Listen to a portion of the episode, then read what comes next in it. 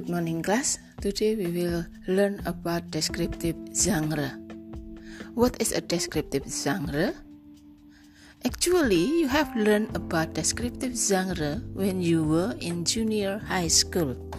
And now you will expand and enlarge your understanding about descriptive genre. Okay? You can see your note. I have given you a note in your uh, WhatsApp group.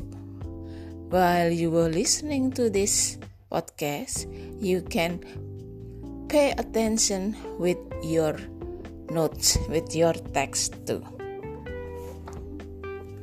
Deskriptif genre itu adalah suatu teks untuk mendeskripsikan sesuatu. Bisa mendeskripsikan particular person, orang tertentu, misalnya tokoh politik, pahlawan, artis.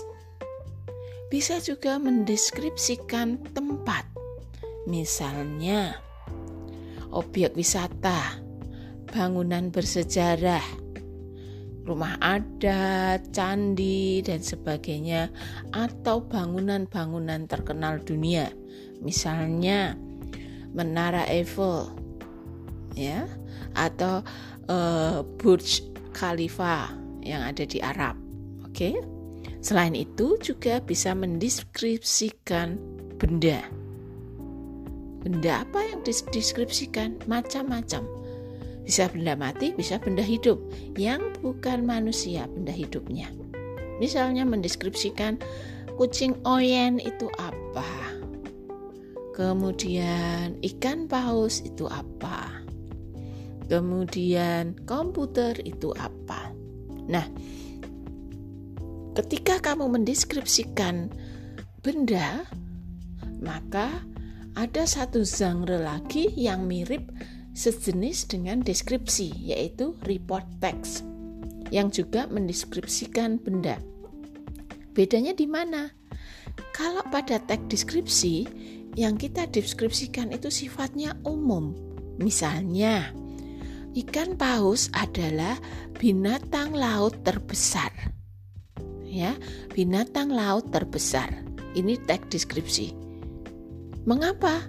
Karena yang ada di laut binatang laut selain ikan paus itu ada misalnya moluska, ada kerang, ada ikan, ya. Tapi ini yang paling besar kan ikan paus.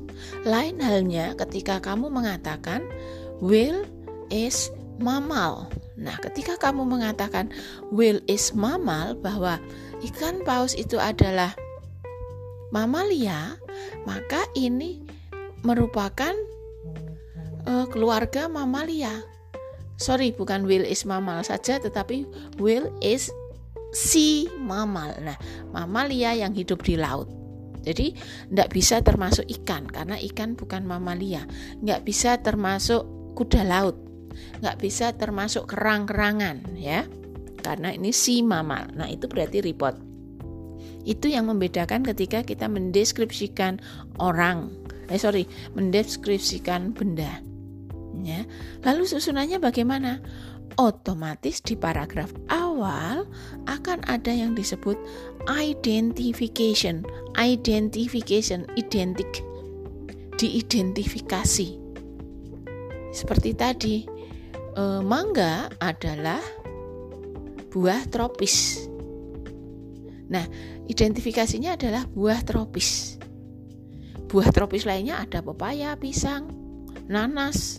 Tapi kalau mango is Mangifera indica, nah berarti dia masuk di keluarga mangga-manggaan. Mangifera indica, nanti dia masuknya di report. Di bagian pertama kita hanya mengidentifikasi saja. Misalnya Bu Tiwi. Bu Tiwi adalah guru bahasa Inggris di SMA Bergas. Nah, itu identifikasi. Karena selain Bu Tiwi ada guru bahasa Inggris yang lain. Kemudian deskripsi, ya. Apa saja yang dideskripsikan? Macam-macam. Bisa appearance-nya, tampilannya, quality-nya, bentuknya. Jadi tampilannya, quality-nya, bentuknya, lokasinya, habitatnya. Nah, tag-tag deskripsi ini biasanya menggunakan simple present tense. Oleh karena itu kalian belajar kemarin sudah tenses yang di awal. Kemudian banyak menggunakan adjektif. Karena apa? Menerangkan sifatnya. Panda yang gemuk. Ya. E, guru yang berkacamata, misalnya demikian. Selain itu juga keterangan tempat. Lalu kamu juga akan menemukan kalimat perbandingan yang lebih besar dari itu loh rumah yang lebih besar dari rumahku yang bercat kuning itu adalah rumah Lia misalnya demikian. Nah, itu adalah tag-tag deskripsi. Ketika SMP yang dideskripsikan gurumu. Nah, bedanya apa ketika SMA? Yang dideskripsikan adalah tokoh. Baik itu penemu Alfred Nobel, Stephen Hawking, Steve Jobs, pahlawan nasional. Kalau dia bangunan juga bangunan bersejarah.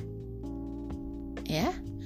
Kalau dia tempat tempat itu juga tidak objek wisata.